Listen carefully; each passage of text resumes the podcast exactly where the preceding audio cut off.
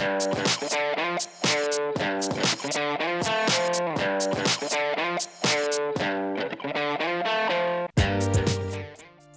och välkommen till det 41 avsnittet av Tro och förnuft-podden som produceras av tidningen Sändaren i samarbete med Newmaninstitutet och Teologiska fakulteten vid Uppsala universitet.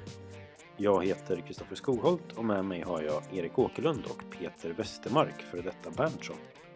Idag kommer vi att samtala om Alistair McIntyres bok Dependent Rational Animals. Så varmt välkommen till programmet.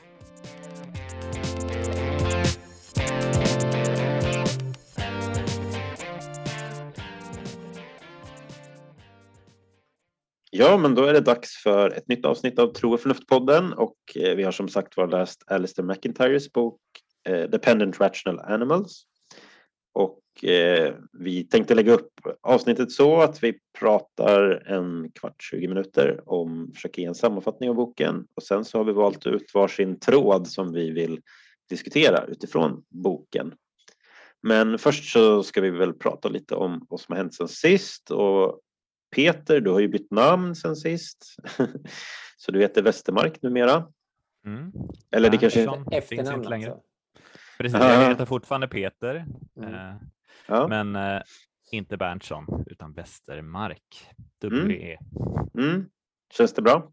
Det känns ovant men eh, trevligt. Eh, jag, eh, det är nytt för både mig och min fru. Vi väntade sju månader tills vi landade i till slut och skickade ja. in blanketten. Ja, ja. ja.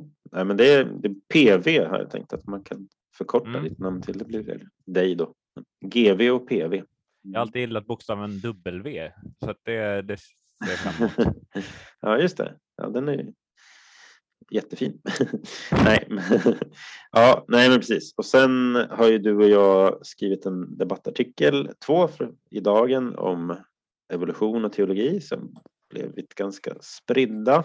Jag fick mejl av en person som undrade om det fanns något nätverk för kristna som vill tänka evolutionärt och sådär. Så det en tanke som jag haft ett tag att försöka starta det. Så att det ska vi göra. Och inte minst också för att kanske ge församlingar så att säga, någon slags resurs om de vill ha en fördjupning i de frågorna. Så att säga.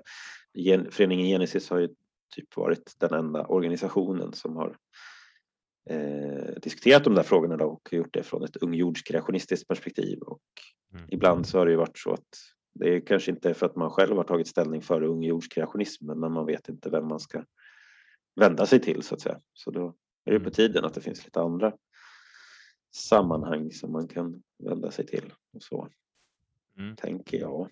Har du det något, något ja, vad tänkte du säga?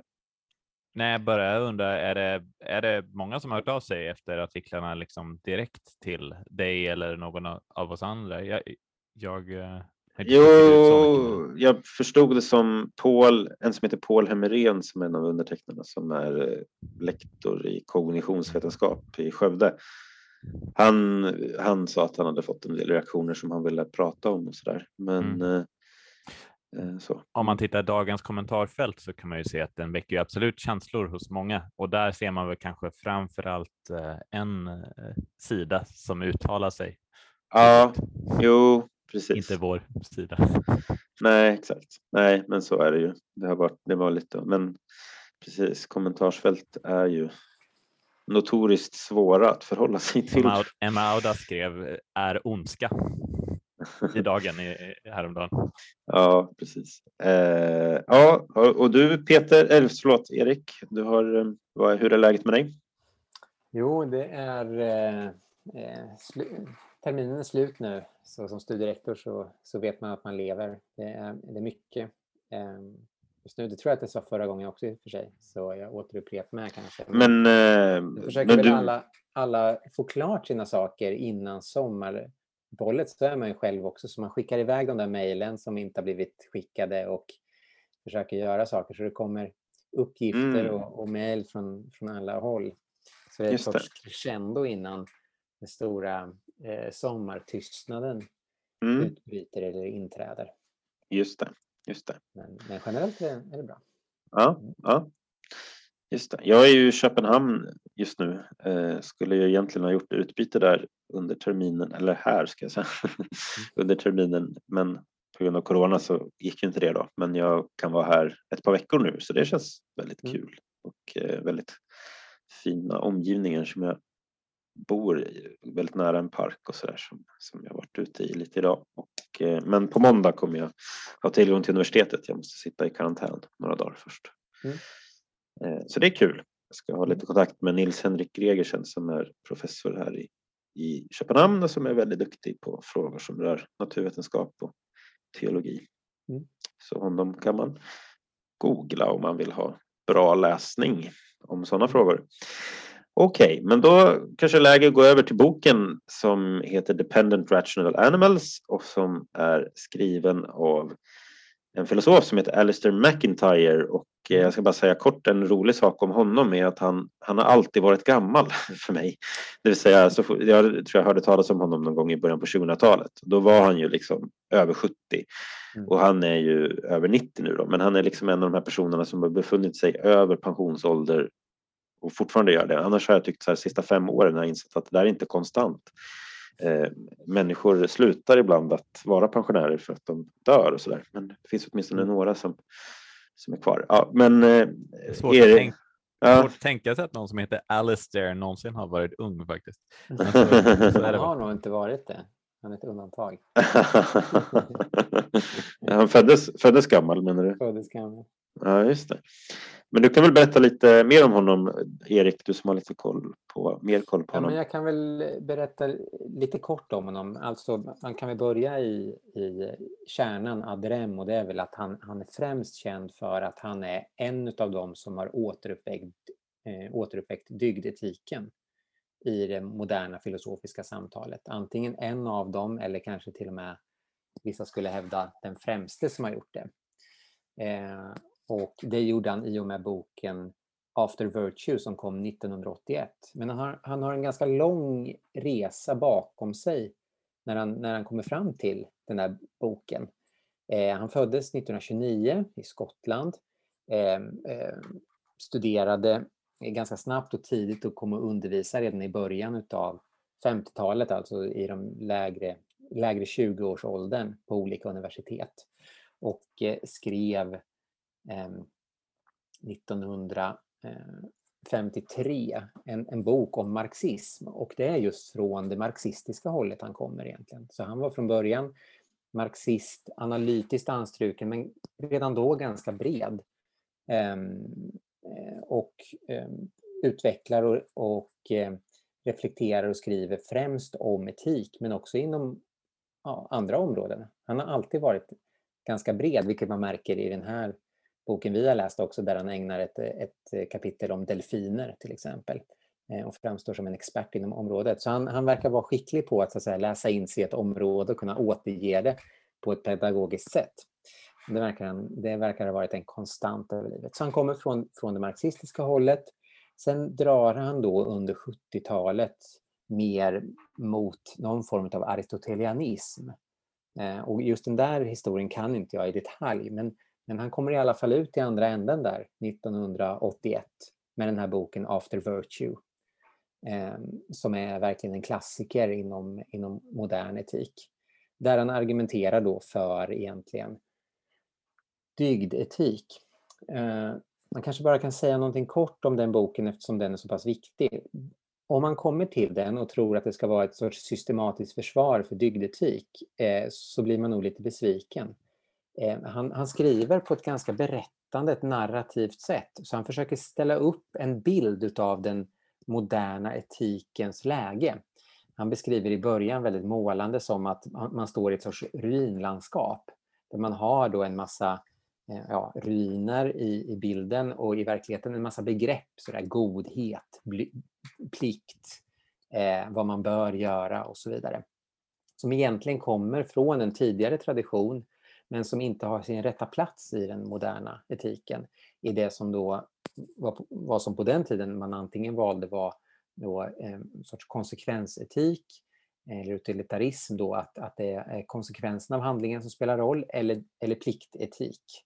Eh, alltså vad man bör göra i en speciell eh, i en, i en speciell situation. Och då inför, så att säga, återupplivar han den här äldre traditionen, dygdetiska traditionen och anknyter då till Aristoteles som ett namn där. Eh, sen fram till 1988 när nästa bok kommer ut som heter Who's Justice Which Rationality. Eh, då har han utvecklats lite ytterligare. Han har konverterat och blivit katolik och eh, företräder en dygdetik mer då utav tomistiskt snitt, det vill säga i Thomas av Aquinos efterföljd, som anses väl vara en, den främsta eller en av de främsta filosoferna i den katolska filosofiska traditionen. Eh, och sen fram till, eh, fram till den här boken som, som vi har läst sen, där han eh, ytterligare tar steg i att utveckla det här perspektivet. Men det är ju egentligen till, till den här after virtue som den stora, eh, det stora sker. Han undervisar som sagt på lite olika universitet men, men i slutet hamnar han på Notre Dame i, i USA. Eh, och, och eh, det är där han var verksam mot slutet. Annars har han varit verksam vid olika universitet i, i Storbritannien och i USA. Är han skotte? Han är skotte från början. Ja, mm. just det. Nej men precis. Tack för den eh, biografin över McIntyre. Och eh, du sa ju där att han eh, så att säga, gick in i en tomistisk eh, tradition och så. Och, och Thomas var ju själv väldigt influerad av Aristoteles och så. Ehm, men, men man kanske kan säga någonting om, om, om vad en dygd är för någonting. Och jag brukar tänka att dygdetikens kärnfråga är ju så att säga, vad, vad, är en god människa? Vad är det att vara en god människa? Och mm. dygder är eh, dispositioner som eh, främjar blomstrande. Så det finns ju en väldigt, alltså ett, att blomstra som människa så att säga. Mm. Um, och, och, det är, en, det är väldigt intressant, alltså, för vi har ju en slags grundförståelse i kulturen uppfattar jag det ofta som att vi har vissa inre dispositioner, böjelser av olika slag och sen handlar etiken om att handla mot dem och inte göra som man vill utan som man borde så att säga. Mm. Men, men, men problemet då är ju som, som många så att säga, påpekar är att människan till skillnad från andra djur kan inte bara handla på sina impulser om hon ska blomstra som människa utan då, då hamnar man bara i då förstör man sig själv. Så, så, mm. så därför, men, men, men dygder handlar ju så att säga om att mina begär har blivit eh, förvandlade så att de blir, eh, blir främjar min blomstring. Så, att säga. Mm. Så, så det är det jag tycker är så intressant att en god människa är ju ur ett dygdetiskt perspektiv inte en person som inte gör det den, in, den inte gör det den vill. Utan mm. det, en dygdig, en god person, det är ju den som gör det den vill, men det den mm. vill är inriktat mot det goda. Mm. Eh, så att det är ju i grunden en mycket mer så att säga, bejakande eh, perspektiv egentligen. Alltså att, eh, det ja. goda här är det inte en splittring då mellan någon form av gott i betydelsen moraliskt gott eh, kontra gott i betydelsen ett gott liv, ett gott samhälle och så vidare. Det, det, går ju ihop. Alltså det goda är ju det som främjar mm. liv och... Det är i grunden en, en harm... Och, och i grunden då i en kristen förståelse relationen till Gud och gemenskapen i den kristna gemenskapen och så vidare.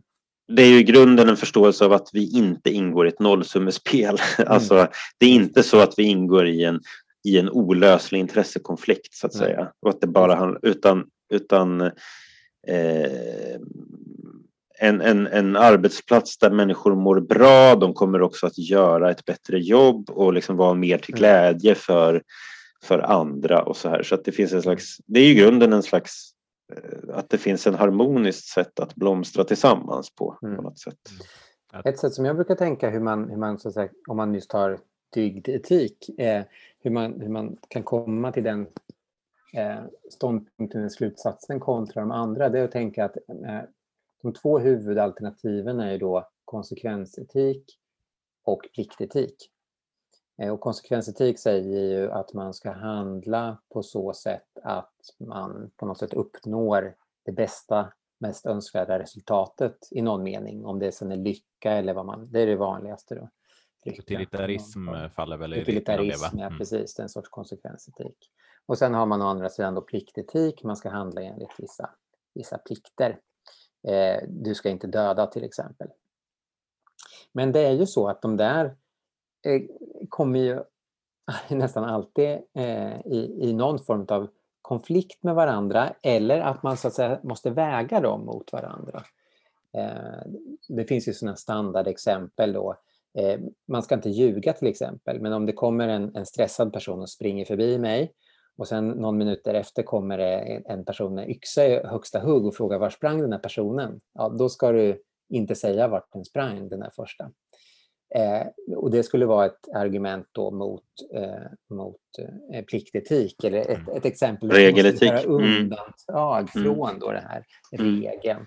Och på liknande sätt finns det ju, eh, eh, finns det ju konstiga konsekvenser utav, utav en, en konsekvensetik eh, där man vill säga att nej, men det finns faktiskt någon form av absolut, absoluta gränser här, någon form av plikt att inte göra sådär, även mm. om du med din, dina mm. beräkningar kommer fram till att det på något sätt skulle öka lyckan. Det finns ju sådana mm. konstiga beräkningar, liksom att eh, eh, man kan ta åtta personer från gatan, eller en person från gatan för att rädda åtta personer om man tar organ från. Men då finns det ju mm. någonting i liksom, varje människas egen värde som de flesta kan hålla med om, där, där det överträder det. Men hur ska man då väga de här?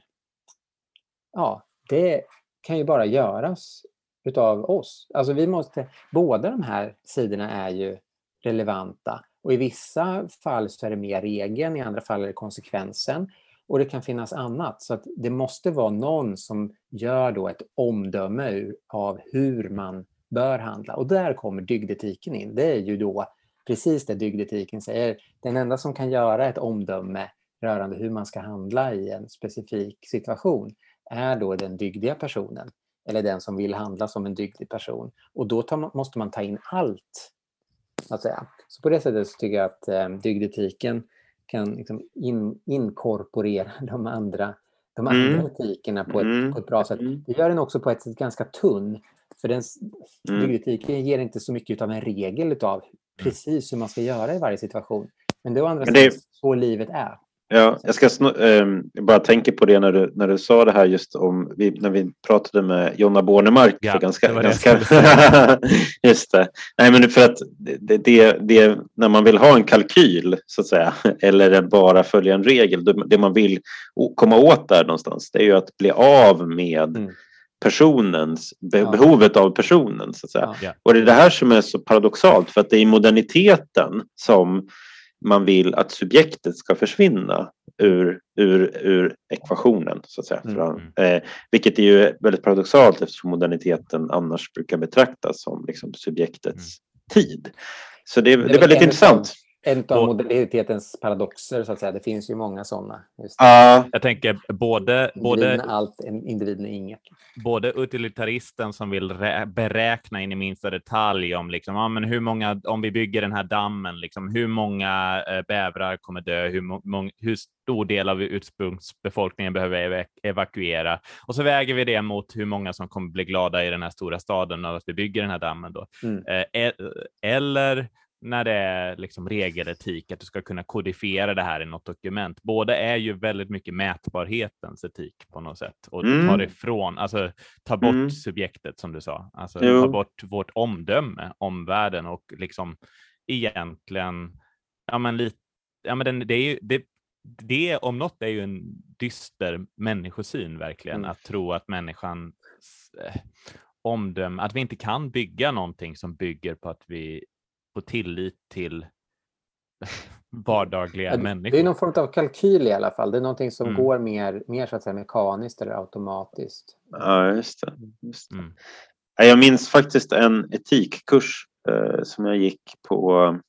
Det var när jag gick på Credoakademin för, för väldigt länge sedan. Eh, och, och liksom ingen så att säga det, det har, det, den här kritiken har inte med Credoakademin att göra utan, utan det har att göra med hur etik ibland liksom diskuteras. För jag kunde liksom känna att det känns nästan som att etik är grammatik. Alltså, mm. Och att liksom, vad händer om jag utgår från de här premisserna? Ja, då får jag det utfallet. Vad händer om jag utgår från de där premisserna? Då får jag det utfallet. Och så blir det liksom, hur ska man säga, det blir bara en slags Ja, det, det, det, är inte vad jag tänker är att bli ett etiskt reflekterande subjekt. Nej. så att säga. Mm. Och det är ju det som är hans tes i den här Exakt. boken. Hur, ja, hur blir vi, vad han säger, mm. in, independent practical reasoners? Det är, mm. liksom, det är det som är frågan han ställer sig. Och då mm. är det ju eh, väldigt intressant. Han börjar ju med diskussioner om djur och sådär, men det kan vi återkomma till lite grann. Men det, det som han, han åter och åter återkommer till, det är att vi, vi, bli, vi är inte det från födseln, utan vi blir det bara om vi ingår i sociala sammanhang där vi får en massa saker av våra... Så vårt oberoende föregås av ett beroende. Och det är i det beroendet som vårt oberoende kan växa mm. fram. Men det oberoendet är inte heller då så att säga en isolation från den här kontexten mm. utan att om vi med, med oberoende menar en förmåga att utöva sin subjektivitet så att säga så är den alltid i den kontexten. Och det är ytterligare en kritik av i stort sett all modern kritik, alltså från 1700-talet och framåt, för där räknar man alltid med det här autonoma eh, liksom hand, handlingskraftiga subjektet som liksom står och har fullkomlig total överblick över situationen och ska välja. Eh, inte bara att det är en kalkyl utan man har dessutom makten. Man, eh, det här exemplet med det här, eh, tågvagnen som åker mot några personer och så ska mm. man kunna... Mm. Eh, Trolley-problemet. Trolley-problemet, mm. ja. Det, mm. man, man, man, har liksom full kontroll, full överblick. Man är uh. liksom helt, helt Detached observer. Ja. Det är det som är, exakt, det är väldigt intressant att det etiska subjektet kan ju aldrig vara en detached observer. Så att säga. Det är ju alltid en participant. Så att säga. Man är alltid, man, precis, man är alltid inbäddad då i, ja. i det sammanhang där man... Ja, ja precis. Eh, men, men han börjar som sagt var med, den heter ju Dependent Rational Animals och han vill han vill liksom pressa ganska mycket på att människor är djur. och eh, då, det är väl det han vill så att säga då, mm, korrigera sin tidigare after virtue med att säga att vi behöver grunda etiken tydligare i en, i en biologisk förförståelse. För att annars så, så och då, då formulerar han det i början som så eh, att, att eh, han, han, han frågan är så här, how can the precepts for how to to live and achieve the good life be shown to be possible for beings biologically constituted as we are. Um, så, så, så det är ju en, en av hans poänger. Men, det, men det, han börjar där med en ganska intressant analys av att det är, råder inte en sån här total klyfta som man eh, så att säga efter det kanske Descartes då har tänkt mellan människor och andra djur. Nej, han, han, han, han påpekar att det finns två olika bruk av ordet djur. Antingen så som inkluderande människa, att människan är en typ av djur eller mm. då att man sätter människa mot djur. Och mm. i, i, en äldre tradition så tänkte man ju se människan som en typ av djur. Aristoteles då, människan är ett rationellt djur. Och, eh, och i stort sett i den förmoderna världen Aha. tänker man på det sättet. Men mm. hur det senare bruket då blev. Ja. Det är ju, alltså, man kan ju säga det, Descartes bild var ju att djur är i princip som vi tänker oss lite själlösa robotar som mer går runt på bara behärskas helt av mm. instinkt alltid. Vilket är lite mm. ironiskt att de, alltså att de skulle vara själlösa med tanke på att ord, det latinska ordet animal kommer från ordet för själ. På ja, just det. Ja, ja, precis. Mm. Exakt, de är animerade varelser. De är, de är aut automater så att säga. Mm. De, de, för Descartes. Helt, helt enligt mekanistiska och materiella principer. Mm. Just det. Ehm, precis, och sen har man om man ville vara, det finns ju de som tar det där vidare också till människan då förstås, men eh, så mm. människan också blir en, en maskin. Mm. mm. Men, men så det, det är ju en, en viktig poäng han gör där och att djur, han menar då att djur har, det är, även om språket är viktigt så är det inte så att språk eh, skapar mening ur intet utan språk finns i en kontext där vi redan har Eh, mening så att säga. Mm. och, och på det viset så tycker jag att han på ett intressant sätt visar liksom att jo men, men eh, hunden, hunden tror så att säga att katten är i trädet men den, mm. den har inte ett språk för det, men den, men den tror det. Och, den, den har, och andra djur har mål och sådär. Och, och handlar i enlighet med det. Ja, men exakt, precis. Och sen, så att det är ju, och vi, att vi så att säga kommunicerar också med varandra mycket med våra kroppar, så att säga.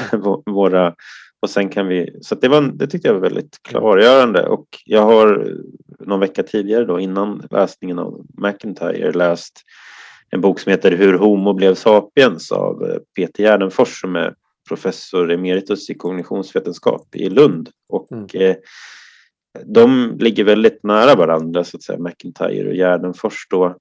Eh, och Gärdenfors använder mycket uttrycket representationer, då, vilken mån olika djur har representationer.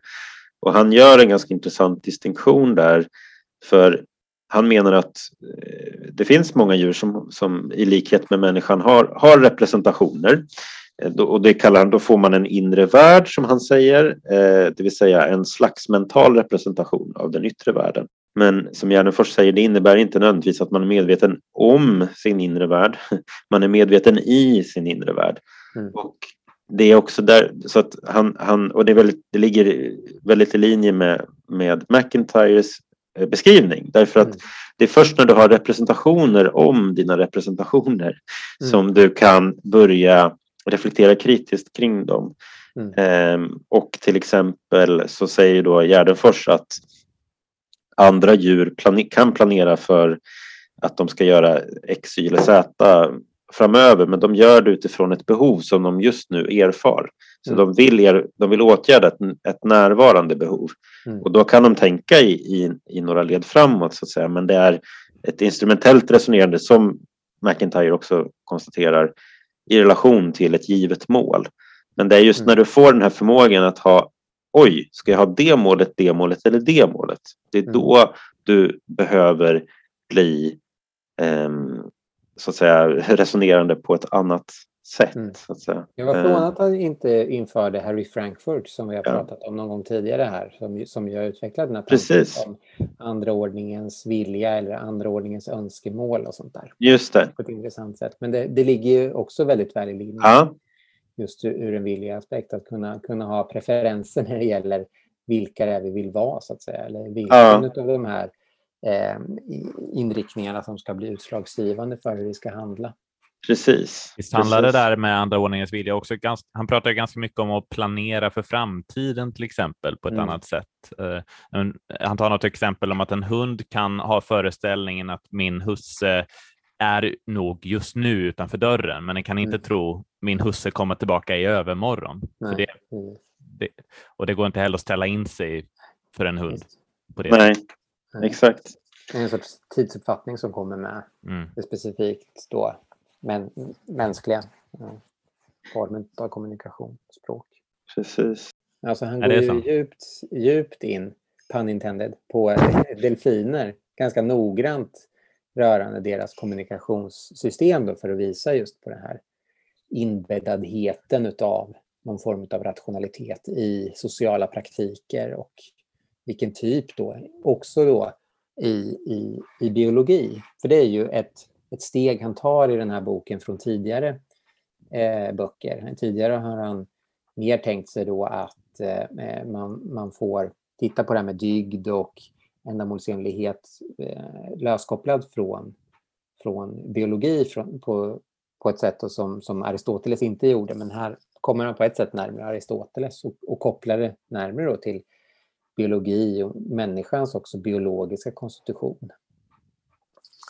Ehm, ja. Precis som att liksom, hur delfiner handlar han har att göra med deras biologiska konstitution och så vidare.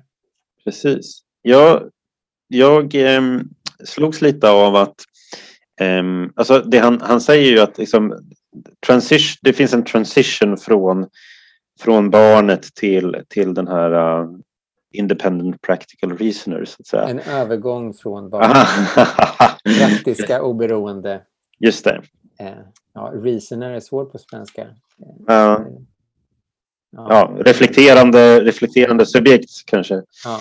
Eh, men, och det är flera så att säga, förutsättningar som krävs för att man ska bli ett sådant reflekterande subjekt. Men en, en sån sak som man säger det är att att man kan uppnå en, en slags distans till det omedelbara behovet, att Mm. man, eller omedelbara impulsen, så att man inte liksom är slav under det omedelbaras eh, diktatur eller det omedelbara impulsens diktatur Mm. och sådär.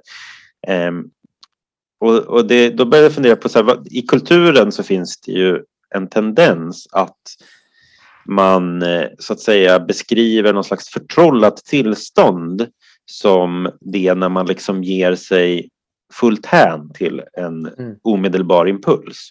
Mm. Och samtidigt så är vi liksom, tror jag, helt på det klara med egentligen att, att liksom, gör vi det hela tiden så kommer vi inte, vi når liksom inte en, en, en, ett blomstrande tillstånd. Vi blomstrar Mm. inte som människor när vi gör det. Och det är egentligen där för, det förtrollande tillståndet finns, tänker jag då. Liksom i, Mm. i, och så började jag fundera på varför är det så där? Och så läste jag några sidor till så här, och då tar han upp det här med att det ligger inte egentligen i, i till exempel eh, the producer of consumer goods i deras intresse att vi har den här eh, förmågan att styra oss själva i enlighet med djupare längtan. Mm. Alltså som ju ändå är dygda etikens mål då så att säga. Alltså producenterna, de som Ja. varorna i vårt samhälle. Mm. Ja, exakt. Så att det finns någonting i kulturen ehm, där det, det, här, det finns en, en datavetare som heter Cole Newport som är väldigt kritisk till sociala medier och den typen av distraktioner och sådär.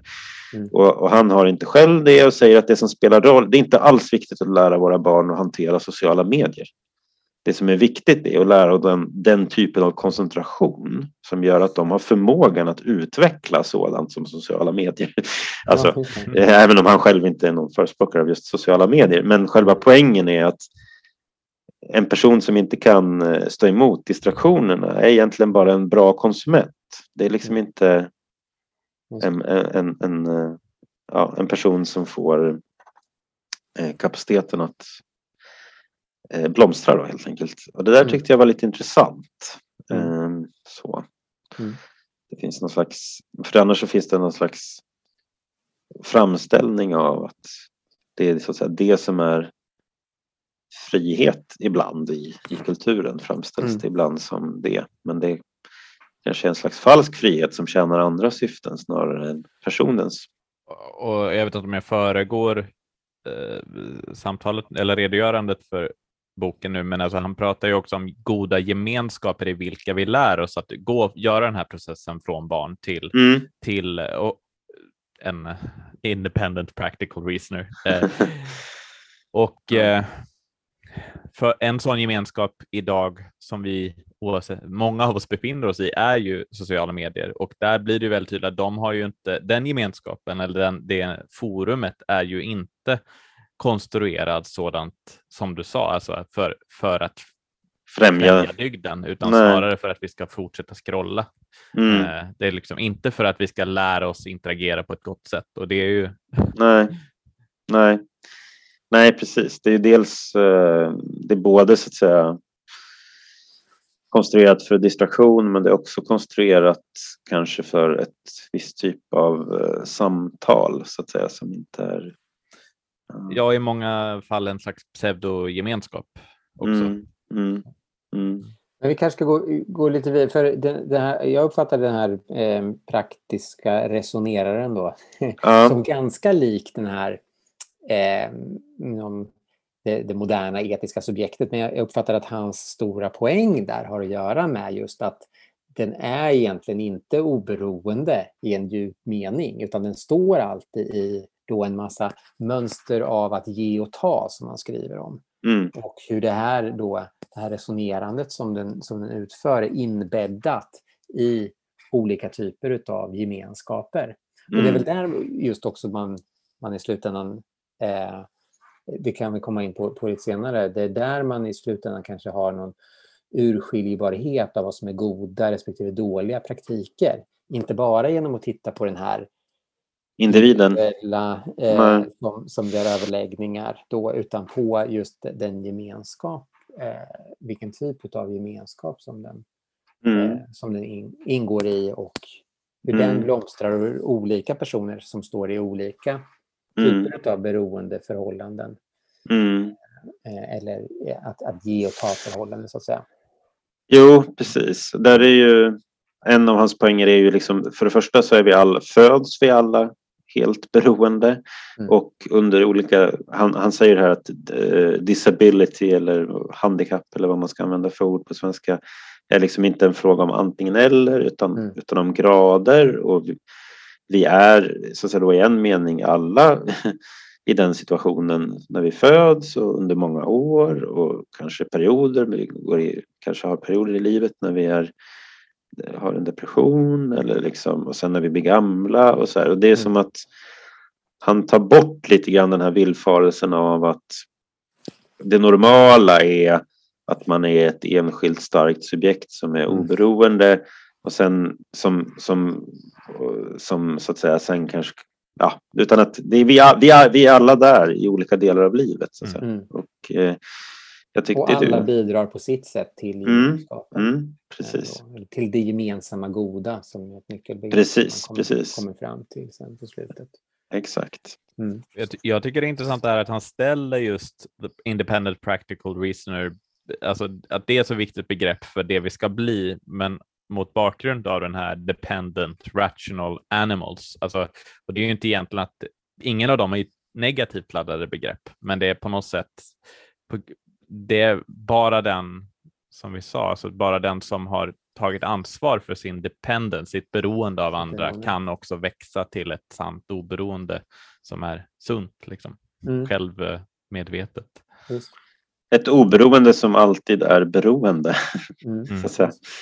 Eh, det, det, är, det är bara genom att jag ingår i relationer som jag når den där mm. Den typen av oberoende som han är ute efter som ju mm. mer som jag uppfattar handlar om att hitta att bli ett, en röst och inte bara ett eko som han säger någonstans. Ja, och liksom ta, ta ansvar för sina egna handlingar någonstans också tänker jag att det handlar mm. mycket om att eh, komma till den punkten. Att mm, det här det. står jag för så att säga. Just det. Jag är ja, i någon mening för, för, så att säga, författare till mina handlingar. Ja, just det. Mm, mm. Mm, mm. Just det. Nej, men precis. Men nu kanske vi har gett en hyfsad synopsis över boken och så kanske vi ska gå över till de här trådarna vi ville dra lite i, om det inte var något särskilt som ni ville lägga till. Men då Peter, tänker jag att vi börjar med din tråd, för du hade ju en, en tråd om, om just begreppet dygd och sådär. Mm. Ja, och det är väl en fortsatt reflektion kring det här med dygd. Um, det är ett begrepp som jag har tänkt mycket på Eh, och tyckt är väldigt eftersatt, tror jag, i vår tid. Liksom. Eh, jag, jag, jag lyssnade här om, häromdagen på Läsarpodden där de pratade om, eh, de pratade om sexualetik i det, i det fallet, men de pratade om hur liksom, vad är det som har gjort att Jordan Peterson fick ett sånt genomslag? För att det är inte nödvändigtvis, alltså, det, det kanske inte främst att han, eh, jag tycker att han har många go, väldigt goda tankar och poänger och insikter eh, om mänsklig tillvaron. Men jag tror att det som bland annat väckt sånt genomslag, det är just att han vågar tala normativt och tala om en slags dygder för, eh, för människan, någonting att eftersträva, någonting att eh, alltså vara in, ett mål att sikta in sig på att blomstra mot så att säga. Eh, mm. Så, så det tycker jag delvis är en intressant grej med, med det här med behovet av, av dygder i vår tid. Mm. Um, sen reflekterar jag lite kring det här med, med um, magn, eh, vad heter det, storsinthet kom vi fram till att det kallas. Uh, han, Alistair nämner i inledningen att det är ju den aristoteliska visionen av liksom, vad är slutmålet för människan? Vad är telos? Vad är, eh, vad är det vi ska blomstra till och hur ser den människan ut? Eh, och det tänker jag alltid är en intressant reflektion att fundera på och hur har det sett ut i olika tider och hur ser det ut idag? Ehm, min bild av dygdetiken är att det, det kom, om det växer fram från Aristoteles och den liksom grekisk-romerska etoset och, och ehm, ja, den etiken så, så blir den ju lite förvandlad. Den blir förvandlad på flera sätt av en kristen eh, bearbetning, inte minst hos Thomas av Aquino, men det sker ju redan hos de första kristna, tänker jag. Alltså Paulus eh, utvecklar också en slags dygdetik, andens frukter och sådär. Mm. Eh, men det jag reflekterar kring, kring, kring dygder då, liksom, eh, jag tycker det var intressant, i början av boken så nämner Alistair att, att st den storsinte personen, det är en person som inte tar emot av eh, tänker mer på vad den ger till andra än vad den tar emot till, eh, den har tagit emot själv. Alltså, igen. Det finns någonting förödmjukande att vara mottagande så att säga. Ja, precis. Så jag tror Enligt det finns Aristoteles, ja. Enligt mm. Aristoteles. Mm. För det här är ju inte... Eh, mm. Den helige Thomas har såklart inte påstått detta, men jag tycker den är intressant. Eh, alltså, mot slutet av boken så tar han ju upp Nietzsche då, eh, och, och där är ju Nietzsches kritik var ju mot den kristna ombygd. Eh, jag, Nietzsche kanske låg, var mer sympatisk åt Aristoteles än Thomas, så att säga, i, i vad det innebär att vara då en, en storsint person. Um, mm. Ödmjukhet är ju, det, för det tänker jag är den intressanta dygden och jag tycker det finns också i hela den här boken som Alistair har skrivit, alltså att, att vara medveten om min animaliska nat natur, så att, att vara medveten om mitt, mitt arv och mina, mina begränsningar och mitt beroende av andra människor gör ju att jag aldrig kan egentligen ta avstånd från, eh, jag kan aldrig liksom Mm. Nej, men det, det är väl... Uh, nej, just det, precis.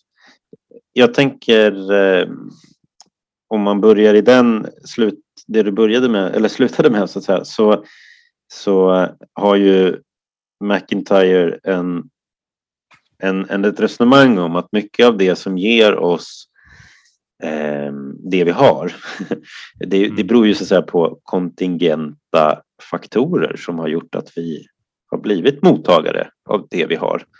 Mm. Och det man glömmer bort då, det, det, det så att säga den, den um, storsinte i den här uh, negativa bemärkelsen glömmer bort, är ju att den inte själv, den har inte sig själv att tacka för det så att säga. Mm. Och, och, och um, det här uttrycket ni vet, standing on the shoulders of giants yeah. så att säga. Det, det, är liksom att det är det som är, det är det som är McIntyres poäng så att säga, att vi, vi är en del av en, en, ett mänskligt, eh, en mänsklig gemenskap där vi alla har så att säga, behov och vissa av oss har av kontingenta skäl fått mer av de behoven tillgodosedda än andra. Men det är inte vår egen förskyllan så att säga och då blir det ju någonting lite knepigt i att vara väldigt stolt över det på det där, eh, alltså att se ner på de som inte har, har det. Så att säga. Så, det, så, så, tolkar jag liksom McIntyres resonemang i relation till, till mm. det. Mm. Eh, sen så tänkte jag också på det här med dygd, dygdetiken som du sa innan. Alltså, en poäng med dygdetiken i relation till eh, så den, ja, samtiden det är ju att dygdetiken kan anknyta till någonting som är autentiskt i önskan om självförverkligande. Därför att dygdetiken handlar om att blomstra som människa. Så att säga. Mm. Men den, den gör inte det, den framställer inte det här blomstrandet som ett nollsummespel eller som en, en rent individualistisk eh, företeelse som bara handlar om, om mig. Så att säga. Eh, och, jag, så, men, mm. och jag tänker det att eh, kanske, alltså en sak som slog mig när jag tänkte på det här med dygder, det är, jag har i konfirmandundervisningen pratat en del om de sju dödssynderna och liksom ställt det mot liksom andens frukter och liksom de sju, vad kallas de, sju kardinaldygderna. Eh, ja, mm. precis, fyra som är motsatsen. Fyra ja, det är fyra kanalbygder, men visst finns det... Mm. Ja, just det, och de, precis.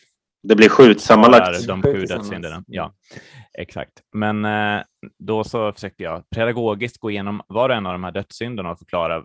Och det var ganska lätt att förklara varför de flesta av dem, de flesta var ganska lätt att förklara för en nutidsmänniska varför de är dåliga, liksom frossa, på vilket sätt det kan vara destruktivt, frossa, lusta, hat eller vrede och så.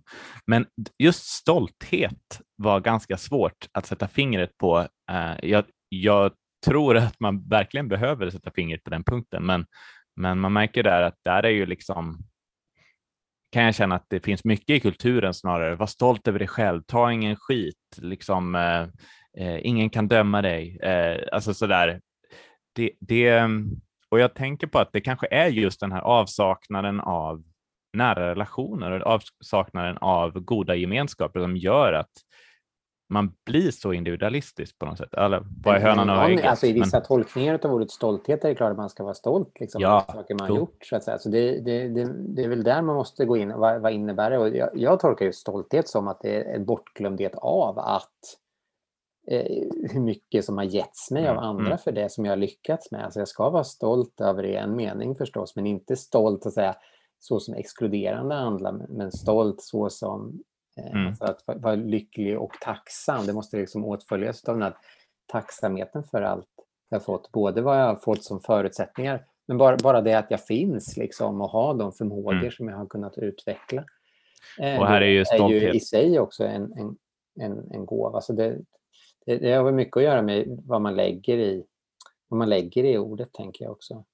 Ja, precis. Man kan ju säga högmod också eller eh, ja, ja. Mm skryt. Men jag, jag, om jag bara kan säga någonting kort om, det finns hur mycket trådar här att dra i som helst, men, men, men om jag bara kan säga någonting kort om det här med Nietzsche. Han, han sätter ju upp så att säga då, en antik förståelse av det här med eh, att vara god, bra, arete som det heter, dygd och eh, som skulle innebära just att, att finna en blomstring som, eh, som människa mot vad han kallar då den kristna slavmoralen. Eller att mm. det, liksom, och den kristendom han hade mött, eh, den han är uppväxt i, han gick ju på ett liksom, förberedande seminarium för att bli, eh, för att bli pastor eller präst och sådär. Det är ju en, en bild där man dels å ena sidan har det naturliga eller det som kommer inifrån människan själv kontra då det som vi har fått lära oss hur det är och där det står emot det som kommer inifrån människan själv. Men det är ju egentligen, liksom, han, han svarar ju på då sin Eh, sin tidsform, utav, alltså den, den, mm. den tyska eller nordtyska formen utav kristendom som han känner till och som även liksom Det är väl en, en lutherdom som... Ja, en viss en, men det, och det är just men, den där men, ja, mm. dialektiska relationen så att ja, säga. Men, men om man går tillbaka till kyrkofäder eller också till Thomas mm. av Aquino så handlar det någonstans om att man, man, man, man bejakar så att säga det som mm. finns hos en sån som mm. Aristoteles. Men det som har hänt i Kristus och i uppenbarelsen är att mer av den sanna verkligheten har uppenbarats och visats för oss. Och det är ju i ljuset av den vidare verkligheten som vi ska handla för att nå den absolut fulla blomstringen. Inte bara ett gott liv på jorden, utan ett gott liv fullt utvecklat i gemenskap med varandra och Gud. Eh, och, och, och det ligger så att säga inte emot. Och, och då får man så att säga den här mer, mer eh, förståelsen av att det i en mån är, är, är, samma typ av mål men bara upp, mm. uppsnäppat en bit och, och satt in i, i, ett större sammanhang. Man kan väl eh, säga... Men, men, men grund, grundresonemanget har ju med detsamma att göra eh, egentligen. Liksom, etik men... handlar om att uppnå det goda livet. Mm. Eh, och det, det, det, i, i den, om man skulle sätta den förståelsen till Nietzsche, då skulle det så att säga bli svårare för honom. För, för, för honom stod ju moral emot liksom, det på det sättet goda eller bra livet.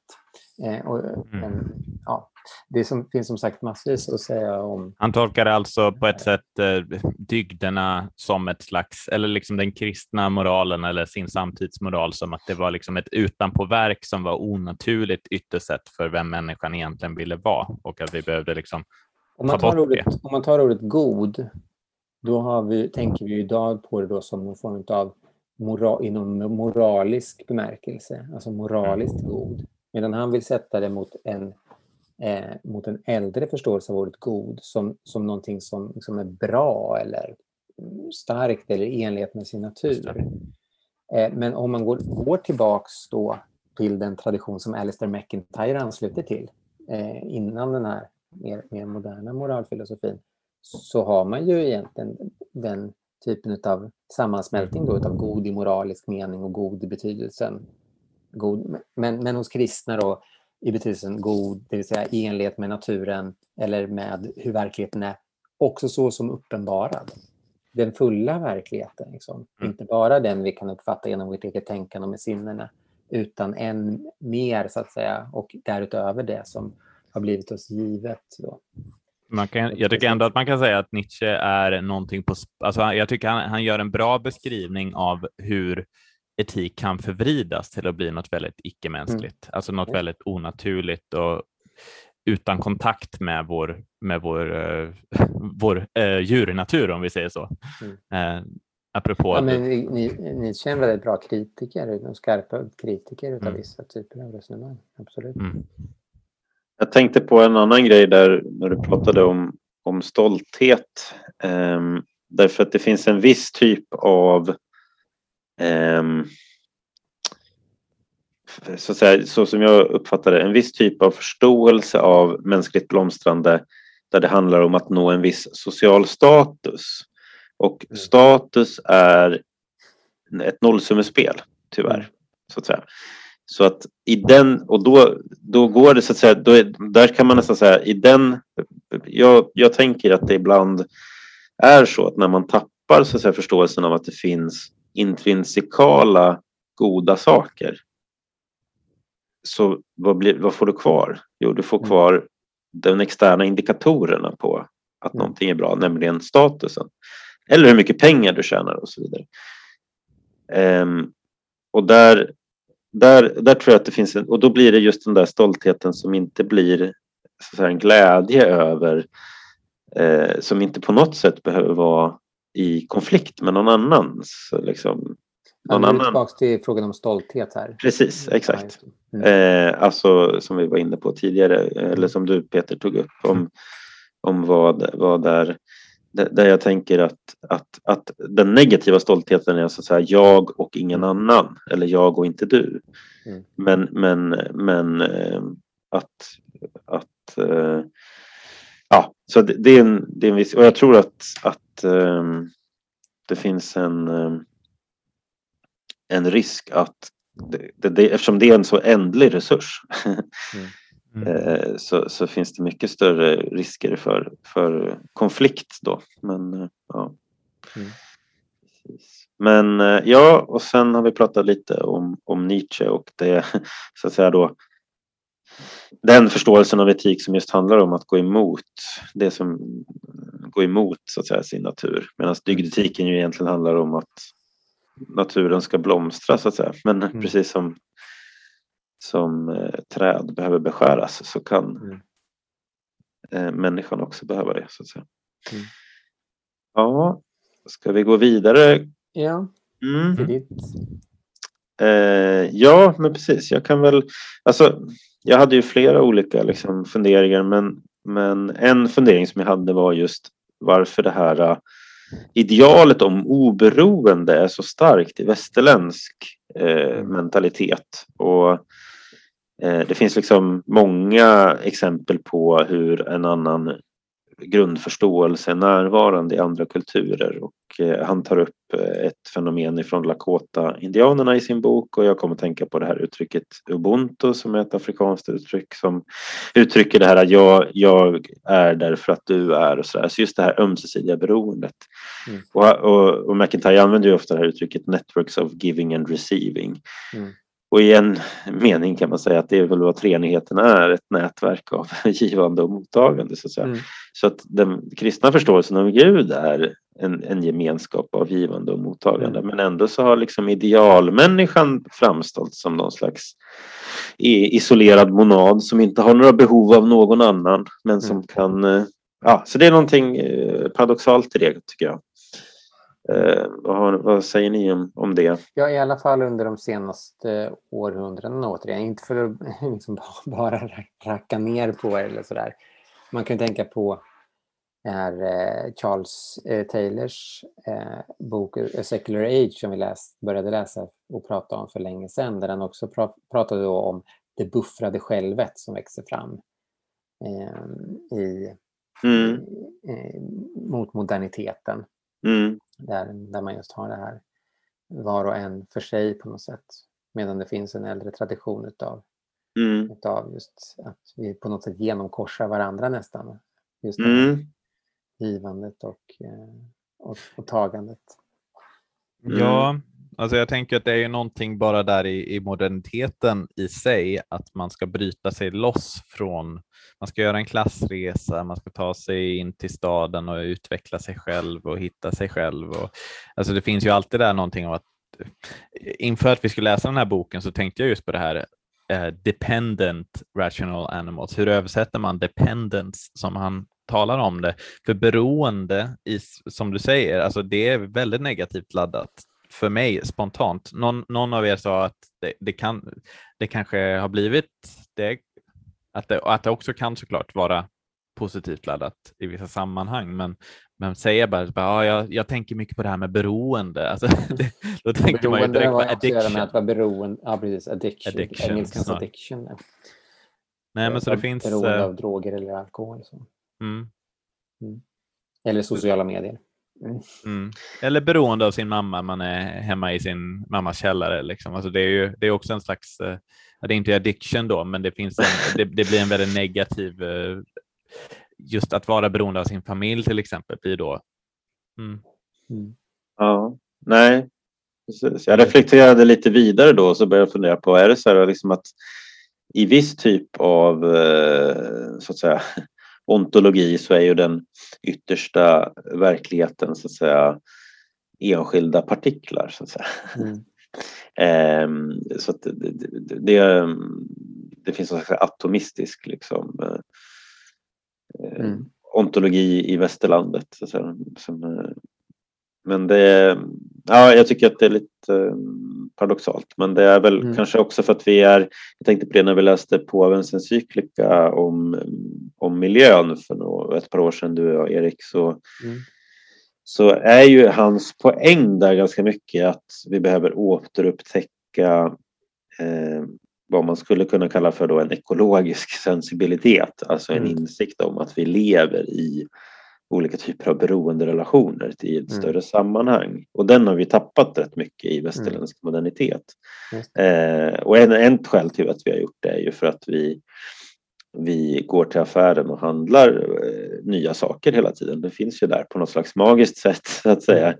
Tänker vi ju inte explicit men det är, det är implicit tror jag att det kan påverka oss, så att säga, eller i alla fall mig, så att, säga, att man är inte är medveten om, om om det, den, den, det vidare sammanhanget och sådär. Så, så det kan mm. ju det som hänga ihop med ja, i en mening industrialisering och kapitalism också så att mm. säga.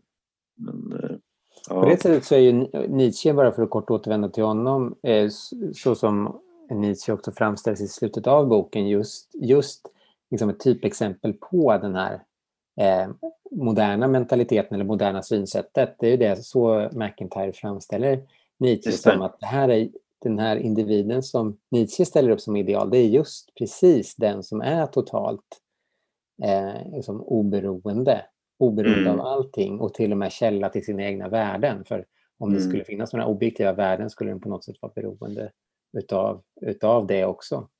För, för... Mm. Ja, det är verkligen en totalt annorlunda bild, att alla mm så att säga, relationer är antagonistiska. Så att, mm, just det, din, eh, bästa vän ska vara din värsta fiende skriver Nietzsche tror jag till och med. Alltså, uh, Nietzsche har verkligen tänkt igenom liksom, det här synsättet till, till dess logiska slutpunkt uh, på något sätt, vilket är, kan vara väldigt nyttigt att, att läsa. Det, precis, för det, det McIntyre tar upp där är ju att McIntyre vill ju börja sin analys i biologin men mm då göra en koppling till ja, dels till att andra djur också är ett slags eh, practical reasoners eller vissa mm. andra djur är det. Även om ja, är det på ett annat sätt. Medan för Nietzsche så är då den här grundläggande bilden från biologin är liksom att du har det vilda djuret, vilddjuret, the predator och så har mm. du det domesticerade djuret. Mm.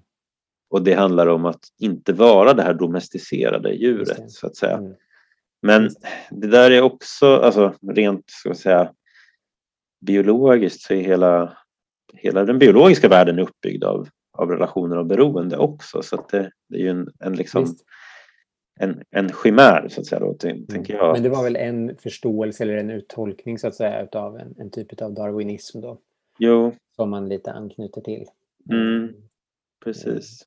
Precis. Det här, en sorts egoism, etisk egoism. Det som handlar om mig att min natur och jag ska få ett uttryck och få så stor makt som möjligt. Mm, mm. Insatt i en förförståelse av att mitt blomstrande och ditt blomstrande är mm.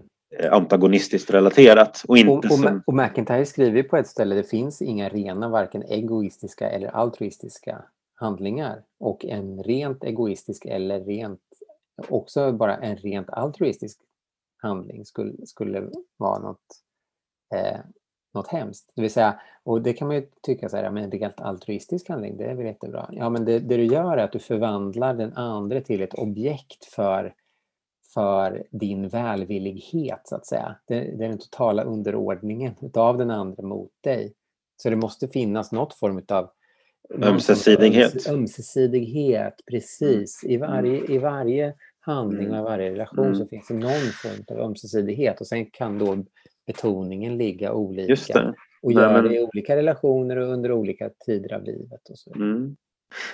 Mm. Det där med ömsesidighet och mottaglighet är ju väldigt intressant därför att precis den här rena altruisten blir ju inte mottaglig för den, and, för den andres Nej. bidrag så att säga. Mm. Eh, och då kan man ju koppla till till, till ja, men den här tanken som Simon Weil har om uppmärksamheten. Som, som mm. en, men vad är uppmärksamheten? är ju att vara också mottaglig för mm. den andra så att säga, och den andres bidrag. Jag tänker eh. också på eh, eh, Elinor Stamps förståelse av kärlek i enlighet med Thomas av Aquino. Då, att kärlek är dels en välvillighet gentemot den andra men också en vilja att förenas med den andra. Ja, just det. Själv kom, måste ju komma in där någonstans. Just det. Och, det ja, och den andra måste också göra det. Ja, precis. Exakt. Ja, men, ja, precis. Den, den andra kommer in där genom att jag vill den andra väl, så att säga. Men att bara ha någon form av ren välvilja, liksom, det, ja, just det. stannar vid något väldigt kliniskt. Fast jag kan ju inte förenas med någon annan som inte blir närvarande som subjekt, Nej, så att säga. Som inte också... Nej, så det, det ligger ju i linje med det. Mm, mm. Just det. Men du Erik, eh, vad var din tråd? Ja, men det ligger väl i linje med det här lite grann. För han, han resonerar, det man kommer fram till är ju då du pratade om sådana nätverk av att ge och, och ta och, att det är viktigt då för att, eh, för att utveckla dygderna för att anknyta till Peters tema. Och hans poäng mot slutet där som jag tycker är intressant är, är att eh, det här kan varken ske i den moderna kärnfamiljen, det är för litet, men det kan inte heller ske i liksom, nationalstaten. Det, det är alldeles för stor arena. Så det måste ske i då the local community, som är ett väldigt svåröversatt ord i svenska egentligen, men man kan säga den, den lokala gemenskapen. Alltså eh, närområdet med, med de, de, olika delarna som finns där, andra familjer, den lokala handlaren, skolan och så vidare. Där vi då utvecklar de här eh, dygderna. Och det är väl egentligen så han kommer fram till också att vi kan utvärdera lite vad som, vad som liksom, låt säga, vad, vad som verkligen är en dygd och inte och hur man kan jämföra sådana här olika liksom, ideal mot varandra. Vad är det som får då en lokal gemenskap att blomstra eller vad är det som främjar den, det gemensamma goda? Um, um, och Det tycker jag är ett intressant perspektiv, att liksom det, den enskildes dygd och den enskilda då, um, praktiska den som resonerar praktiskt, det, vad den kommer fram till, huruvida det stämmer eller inte, måste prövas i någon form av hur, hur den här gemenskapen blomstrar. Eh, det, det, är väl så i filosofi, på ett sätt så kanske det är självklarheter man kommer fram till, men, men, men det är inte självklarheter egentligen. Eh, eh, det är inte alla som, som eh, eh håller det. Och vi var ju inne på här och, och prata lite också om Ehm, demokrati. Eh, både du och jag har i olika sammanhang skrivit eller pratat om det, eh, Kristoffer, just hur eh, egentligen eh, liksom de demokratiska förhållningssätten och, och sätten att och, handla och, eh, och sådär, hur de måste odlas i någon form av mer lokal ehm, demokrati eller ett lo lokalt handlings, handlingsmönster. Eh, att det, det, är där det börjar någonstans, men så är det med, med alla dygder och alla goda förhållningssätt. Mm. Jo, Nej, men det, alltså, precis, det, det var en sak som, som jag nämnde tidigare här innan vi började spela in att på ett sätt då så kan man tycka till exempel att demokrati är ett, ett tunt eh, ideal. Så att säga. Det är inte så mycket vi kommer överens om om vi kommer överens om att demokrati är det bästa styrelseskicket. Så mm. Men när man börjar fundera på vad demokratin implicerar, vad den kräver, det vill säga det är, det är inte att vi lägger en, en, en, valsedel i en urna vi pratar om egentligen som demokrati, utan det vi pratar om är att medborgarna har politiskt inflytande och får styra över, över vilken mm. väg samhället ska ta. Vad, vad det kräver? Ja, det kräver att de har en utbildning så att de kan läsa och skriva och ta till sig information. Och att de kan ta del av vad andra tycker och tänker så det måste finnas yttrandefrihet och pressfrihet. Eh, organisationsfrihet och så vidare och så, och så mm. måste det finnas en, en allmän utbildning eh, och så där. Och det är lite samma sak med det här uttrycket independent practical reasoner då. Mm. Alltså, mm det, det idealet är egentligen att alla människor ska kunna utöva sin biologiskt grundade kapacitet för att se att det finns flera valmöjligheter i framtiden. Vilken mm. ska jag ta? och så mm. inser man att ja, jo, men det är någon kapacitet vi har, men hur kan vi se till så att människor blir kompetenta i det? Och så mm. bara börjar man dra i det här och se att det kräver ganska mycket. Det kräver att de att de ingår i en kontext där människor under ganska lång tid bestämmer åt dem att nej men du ska gå i skolan liksom, eh, varje dag i åtminstone nio år. Så att säga. Mm. Eh, det bestämmer vi åt dig. Mm. Sen när du har gjort det, då kanske du ska få bestämma. Liksom, lite Och det är bara så du kommer till att bli en person som på ett mm. autentiskt sätt kan styra ditt liv. Mm. Så för att kunna komma till den punkten att jag styr mitt liv så måste andra bestämma över mig ganska länge. Och, och ge dig de resurserna precis, precis. Och det är därför det här att bli... Helt beroende. Exakt så. Och sen så är hans poäng att när jag då är där, har kommit dit, så inser jag att för att bli en människa så måste jag ingå i sådana här sociala mm. sammanhang. Det, liksom, det finns inget... Så, och då, då säger han att ja, men då, då står jag också i en slags tacksamhetsskuld till dem som mm. har gett mig det här. Så jag är liksom ohjälpligt indragen i relationer. Och det är ju det som är liksom, liksom den här individualismen och Nietzsche, Nietzsches mm. liksom, illusion av att det finns någon sån där eh, kompetent person som står helt fri från alla andra. Det är liksom, mm. Mm. Nietzsche hade inte kunnat skriva sina böcker liksom, om han mm. inte mm. levde i ett paternalistiskt samhälle. Och det ska mm. han vara väldigt glad för att han gjorde. så att säga. Men det bara skorrar helt falskt med den visionen mm. som han... Ja, men, det är verkligen bra alltså det är filosofi i bästa bemärkelse i den meningen att på något sätt McIntyre bara påminner oss om det vi egentligen redan vet. Liksom. Jo, jo, alltså jo. bara pe peka på dem. Jo, men, men, men, som vi lite salongsmässigt kan göra uppror emot. Så att säga. Ja, just det. Precis. Ja. ja exakt. Ja. Mm. Eh, men det där, det där för övrigt en liten passus som man får kosta på sig att sväva iväg lite här nu sista avsnittet för terminen. Nej, men att den intressant sak med den här posen, om man får säga så, antisociala posen. Alltså, jag mm. är en totalt oberoende... Alltså, jag kan tänka mig att den posen så att säga eh, i en mening bidrar med någonting till helheten så länge den inte får eh, politiskt inflytande eller vad man ska säga.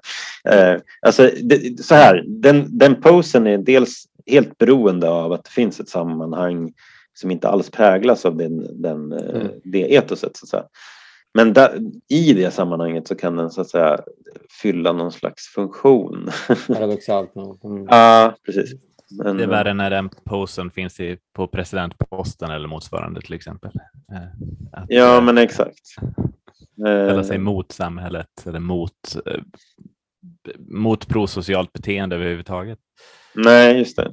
Nej, men jag tänkte på det där apropå demokrati, just att det är ju väldigt tydligt när det här med skola och när det här med dygderna överhuvudtaget försvinner ur ett samhälle så blir ju demokratin genast mycket svårare att, eh, att bibehålla eller att ens se poängerna med dess, se storheten i det som du säger. Alltså, eh, om, man inte, om det inte kommer med det här projektet, visionen om, om den demokratiska medborgaren, då blir det ett väldigt tomt ord. Jag tänker ofta på att liksom, det är ju en äldre generation som, som talar om ofta som talar med demokrati som en verklig med verklig med glimmer i ögonen för att man har en att man kanske fortfarande bär ett genuin tro på, på det här som ett människo.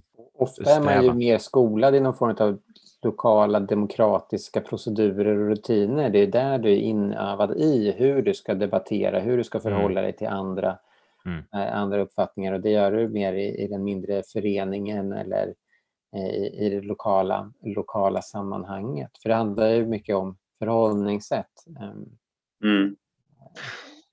Snarare alltså, än att ha vissa... Det, det, det, kan jag ju själv, här kanske vi har olika uppfattningar, men det kan jag själv se som en risk att, så att säga, vissa innehållsliga uppfattningar klassas som demokratiska eller antidemokratiska. Mm. Det är ett väldigt billigt sätt för att utesluta någon snarare ur eh, legitimitet att ens få framföra sin uppfattning. När det då snarare handlar om just att, att eh, eh förhålla sig till, till andra uppfattningar. Mm. Eh, mm på, på ett tillbörligt sätt som, som man bör i demokrati. Och vad exakt det innebär ges ju av de, de traditionerna någonstans.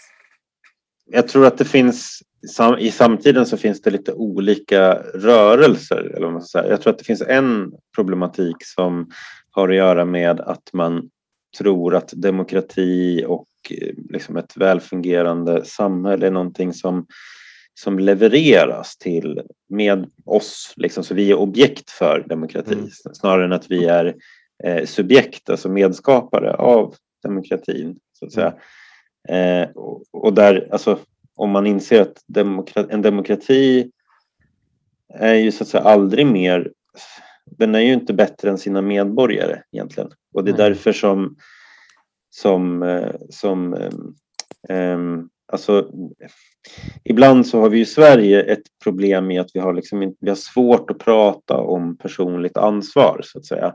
Utan det, alltså det finns till exempel rutinerna som har, eh, är fel på rutinerna eller så är det eh, chefen så att säga. Men det här, det här liksom det personliga ansvaret och det är någon slags en del av det här att det bortglömda subjektet så att säga. Att det finns mm. bara strukturer som är ansvariga. Det mm. finns inga, inga personer så. Det är väl en del av det. Men sen så tror jag du, Erik, pekar på eh, när man gör en politisk ideologi i en, en tjock politisk ideologi så att säga, eller en, en, en, med stort innehåll till, till, till det som vi alla behöver vara överens om i ett mm. demokratiskt samhälle. Då använder man dess demokratin som en någon slags eh, symbolord för, för det som, eh, som det kanske finns olika uppfattningar om inom en mm. eh, demokrati. Så att säga. Men, men då, det är någonstans det motsatta problemet nästan Eh, gentemot det första. För det första så är man, har man en väldigt eh, vad ska jag säga, ja, tunn förståelse för vad de, demokrati kräver. Det kräver ingenting av medborgarna. Ja, men, och där tror jag då, vi pratade ju om, det finns en demokratiforskare som heter eh, Robert Dahl. Mm. Eh, och det, det, är väl den främsta demokratiforskaren. Eh, och det, det, han kommer fram till är ju faktiskt väldigt mycket i linje med det Lester McIntyre skriver. Att det är någonstans i um, det, mer i den lokala demokratin, i det lokala handlandet som, som det måste eh, grundas. Också för att det ska få eh, legitimitet och för mm. att man ska liksom, inövas i det förhållningssättet. Mm. Men visst, men, men, det behöver inte motsäga att det finns två stycken ytterligheter så att säga, som, där inget av dem är, är att föredra. Mm. En Nej, just det. eller alltför tjock mm. förståelse utav. Nej, precis. Tunn i betydelsen att, att liksom, subjektet försvinner. Mm. Nej, just det. För det... Och allt för tjock för att man lägger in för mycket idéinnehåll i vad demokrati mm. ens är. Så att man per, genom den definitionen utesluter vissa från att ens delta i en demokratisk mm. process. Mm. Mm. Även om jag anser att det så att säga, kan vara, man kan bli förvånad över hur mycket som ändå följer av ett, idealet om demokrati som mm. jag var inne, om tidigare, mm. inne på tidigare. Då. Ehm, man kan tro att det inte, men, men jag håller också med om att det finns tendenser när man, när man laddar det begreppet med för mycket. Det är, li, det är lite så att säga analogt med eh, som Lappo Lappin visade i sin artikel i Kvartal om mm. hur man använder uttrycket vetenskaplighet Mm. i, i coronadebatten. Och det är ju för att demokrati är någonting vi alla är överens om är bra och vetenskap är någonting vi alla är överens om är bra. Och så blir det att man lägger in kontroversiella eh, ståndpunkter under till exempel det här är vetenskapligt. Eh, och det är ju för att slippa ta den här eh, diskussionen som, som man som just man ska göra. Värdedebatten. Ja, exakt. Och det är den, det är den som behöver föras då inom, in på det. Det är det som det demokratiska samtalet handlar om, att föra det. Mm. Mm. föra det, inte kortslutare så att säga. Men eh, mm, precis. Mm. Ja, det börjar väl bli dags att avrunda innan det blir Mm. alldeles för långt det här avsnittet. Um, någonting Man som... får, vi- man får lyssna på det uppsplittrat över, över sommaren här lite grann. Ja, just det. Precis. Nu, Exakt. nu är vi alldeles i slutet så nu är det först nu jag ger det tipset här. Men det får, det får räcka hela, hela sommaren helt enkelt. Här. Ja, jag kommer lägga ut ett, ett till avsnitt också faktiskt med Mm. Mårten Björk som vi inte har lagt ut än. Men, Mm. eh, Om eh, politik och odödlighet hos Martin Mm. Hägglund och sådär. Men eh, Mm ja, vad, vad, vad tar ni med er från boken då? Om ni får säga en eller två meningar. Jag tar nog med den här grundläggande bilden att för att på riktigt bli en, en, eh, alltså en verklig självständighet är alltid ödmjuk inför sitt ursprung och, sin, och det. För att kunna bidra med någonting till världen och till andra så måste jag först eh, på något sätt vara tacksam och medveten om min, eh, mitt ursprung och det, allt jag har fått. Jag kanske läser den mot bakgrund av hans tidigare böcker då och tycker att det mest signifikanta eller mest intressanta kanske är just hur man kan grunda dygd och moral i biologi. Eller hur man inte kan det. Eller hur, hur gör man det? Vad är rätt relation där egentligen? Och hur mycket går det in? Det är ju Mm. mycket hans... Eh, Mm. det, är det, det är det han, så att säga, vän, McIntyre i den här boken vänder sig mot en tidigare eh, Mm. och just vill föra fram att faktiskt biologi är. Eh, Mm. Det tycker jag är en jätteintressant fråga och att han har intressanta ingångar Mm. till ett bra sätt att göra det på. Mm. Mm. Just det. Jag tror att jag, det finns två saker som var, alltså det är ju mycket i boken som man tar med sig men en grej handlar ju om, om hur han, hur han eh, lyfter fram att det här med disability inte är ett av eller på utan det är ett kontinuum och vi är mer eller mindre i, så att säga, i det under, under olika delar av livet. Ehm, och sen den andra saken som jag tyckte var väldigt intressant det var just hur så säga, för levande varelser ingår hela, redan i ett meningssammanhang. Och att vi, språket är inte så att det skapar mening ex nihilo utan det, är- det är liksom bara möjligt om det redan finns ett meningssammanhang. Och där det liksom öppnar också lite grann ögonen för hur vi ja, att, att vi som språkvarelser också, vi kan, inte, vi kan inte tänka att all mening i våran interaktion så att säga bara kommer genom språket och sådär. Mm. Eh, Det var en bra påminnelse tycker jag. Mm. Mm. Mm.